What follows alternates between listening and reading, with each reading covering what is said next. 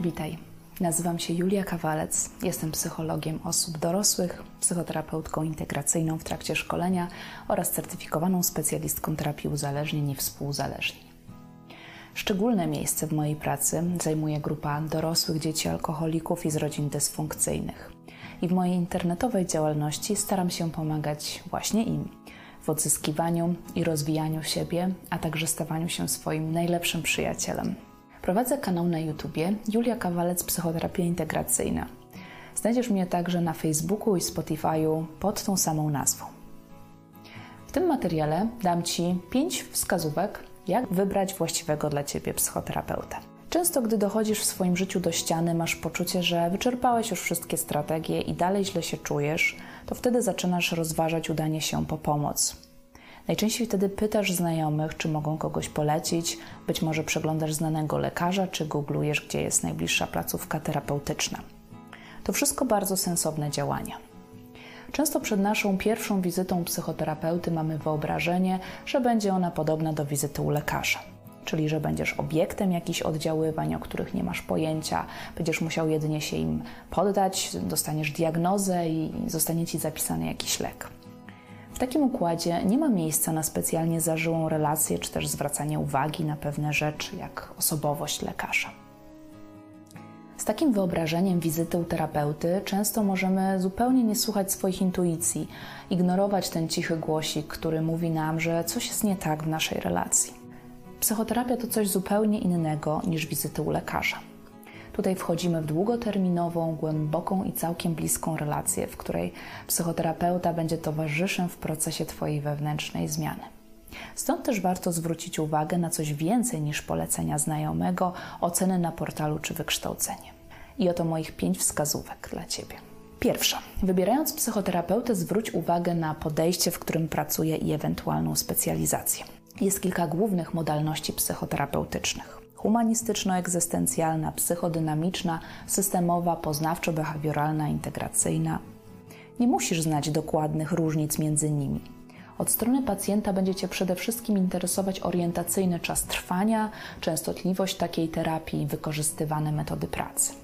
Terapeuta psychodynamiczny na przykład może stworzyć z Tobą inny rodzaj relacji niż poznawczo-behawioralny – ten pierwszy będzie mniej dyrektywny, pozostawi Ci więcej przestrzeni do mówienia, myślenia, a drugi będzie prowadził sesję w bardziej ustrukturalizowany sposób. I możesz nie wiedzieć, co Ci bardziej pasuje, dopóki tego nie doświadczysz. Masz prawo wiedzieć i ciekawić się, jakie podejście wybrał Twój psychoterapeuta i sprawdzić, czy ono Ci odpowiada. Jeśli jednak stwierdzisz, że chcesz dokładniej zrozumieć różnice, zachęcam, byś poczytał o nich więcej samodzielnie. Niektórzy mają też swój szczególny obszar specjalizacji. Na przykład ukończyli dodatkowo jakąś szkołę, tak jak ja, studium terapii uzależnień i współuzależnień, czy ktoś inny psychotraumatologię, psychoankologię, psychologię sportu. I nie znaczy to, że ta osoba zajmuje się tylko tym, ale może mieć najwięcej doświadczenia właśnie z tego zakresu i być może najskuteczniej Ci pomoże. Podobnie jak chirurg nie będzie znał się na pediatrii i odwrotnie, tak samo terapeuta uzależnień nie zajmuje się psychoonkologią na ogół i na odwrót. Dlatego szukając odpowiedniego dla Ciebie psychoterapeuty, warto również zwrócić uwagę na jego specjalizację. Druga sprawa to osobowość. Każdy psychoterapeuta ma coś innego do dania również osobowościowo.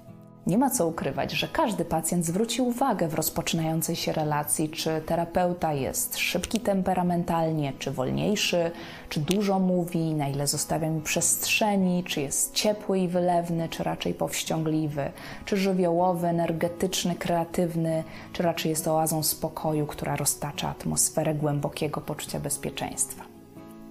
To wszystko jest bardzo ważne przy wyborze. Nie musisz pytać terapeuty o wynik jego testu osobowości.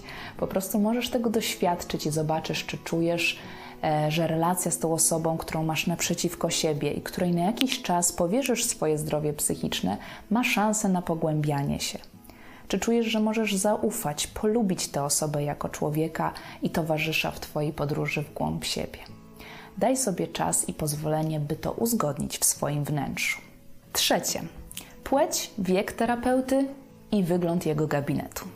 Może czasem głupio się przyznać, ale musimy być szczerzy przed sobą i powiedzieć, że te niby płytkie aspekty są szalenie ważne, a nieraz decydujące o naszej współpracy.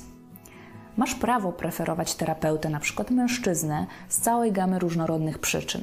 Masz trudne doświadczenia w relacji z kobietami, które się tobą opiekowały, czujesz, że potrzebujesz bardziej męskiej energii, by uruchomić twój potencjał i tym podobne. Nie dziwi mnie także to, że jedni wolą starszych terapeutów, inni młodszych. Starszy terapeuta zapracował już na swoje doświadczenie, nie wchodzi w ślepe uliczki, może szybciej poprowadzić cię znaną mu drogą, a z drugiej strony mało go dziwi, może nie być tak entuzjastyczny i pełen nadziei jak młody terapeuta, którego energia i zapał mogą być same w sobie leczące. Nikt nie spojrzy na ciebie z tak niezmąconą ciekawością i przekonaniem, że ci się uda jak młody terapeuta. Wybór należy do ciebie. Wygląd gabinetu pewnie rzadko jest czynnikiem decydującym, ale popatrz też na to.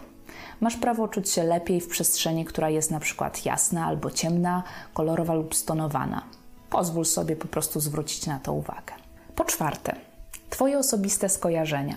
Twój terapeuta z zupełnie nieświadomych przyczyn może kojarzyć ci się z kimś sprzed lat i wywoływać w tobie niezrozumiałe emocje. Mogą one wpłynąć na Twój proces terapii na różne sposoby. Mogą ją wspierać, ale też sabotować. Może terapeutka przypomina Ci Twoją ciocię, która troskliwie zajmowała się Tobą, gdy Twoja mama zaczęła chodzić do pracy. Wtedy terapeutka może dostać kilka ekstra punktów sympatii. Ale może być też tak, że skojarzenia są ciężkie, wywołujące strach i napięcie. Warto sprawdzić, czy będziesz w stanie to wytrzymać lub przepracować z terapeutą, czy raczej będzie to czynnik dyskwalifikujący. Wówczas nie obwiniaj siebie za to. Jeśli Twój terapeuta jest płci przeciwnej, na przykład w podobnym wieku, może też łatwo zacząć podobać się w kontekście damsko-męskim. To też może bardzo utrudnić Twoją terapię, ponieważ nigdy nie będzie w niej miejsca na wyjście poza granice relacji terapeutycznej. Takie uczucia oczywiście same w sobie nie są złe czy wstydliwe i warto o nich rozmawiać, ale gdy się zintensyfikują, mogą przysłonić Ci cel, z którym przyszedłeś na terapię, więc weź to również pod uwagę przy wyborze. I po piąte, Twoja intuicja. Słuchaj jej uważnie. Ona może być dobrym doradcą w takim wypadku. Nie o to chodzi, że masz skreślić terapeutę po pierwszej wizycie, bo poczułeś, że się go boisz. Ten lęk może wynikać z tego, że pierwszy raz byłeś w sytuacji, w której ktoś pyta cię o różne intymne obszary Twojego życia, o których dotychczas nikomu nie mówiłeś.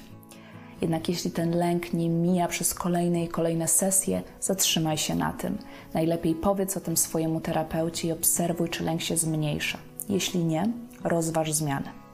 To nie musi być żadna wina czy błąd terapeuty. Po prostu potrzebujesz kogoś innego, kto wzbudzi w tobie więcej poczucia bezpieczeństwa. Podobnie jak w każdej długoterminowej relacji, musimy czuć ze sobą podstawowe, dobre połączenie. Podsumowując, przy wyborze terapeuty pokieruj się zarówno z sercem i rozumem. Po pierwsze, sprawdź, w jakim podejściu pracuje i jaki obszar jest jego specjalizacją. Po drugie, poczuj, czy jego osobowość sprawia, że możesz się przy nim otworzyć, poczuć bezpiecznie i wzrosnąć. Po trzecie, czy jego wiek, płeć czy wygląd gabinetu ci odpowiada i zwiększy szanse na powodzenie terapii. Po czwarte, badaj swoje osobiste skojarzenia, czy żadne z nich nie stanie poważnie na przeszkodzie waszej współpracy. I po piąte, posłuchaj swojej intuicji. Sprawdź, czy czujesz, że ten team ma szansę na głęboki sojusz terapeutyczny, który stawi razem czoła Twoim problemom. Terapeuta powinien odpowiedzieć na każde tego typu wątpliwości, rozmawiać z Tobą o tym spokojnie, nieobronnie. On rozumie, że wasza dobra, choć nie idealna relacja będzie fundamentem Twojej zmiany. Dlatego zaufaj sobie, nie czuj przymusu, by zostać w pierwszej relacji, która Ci się trafiła i pozwól sobie wybrać. Jeśli masz jakieś pytania lub myśli, zostaw je w komentarzu na dole. Dziękuję za uwagę i do zobaczenia w kolejnym odcinku.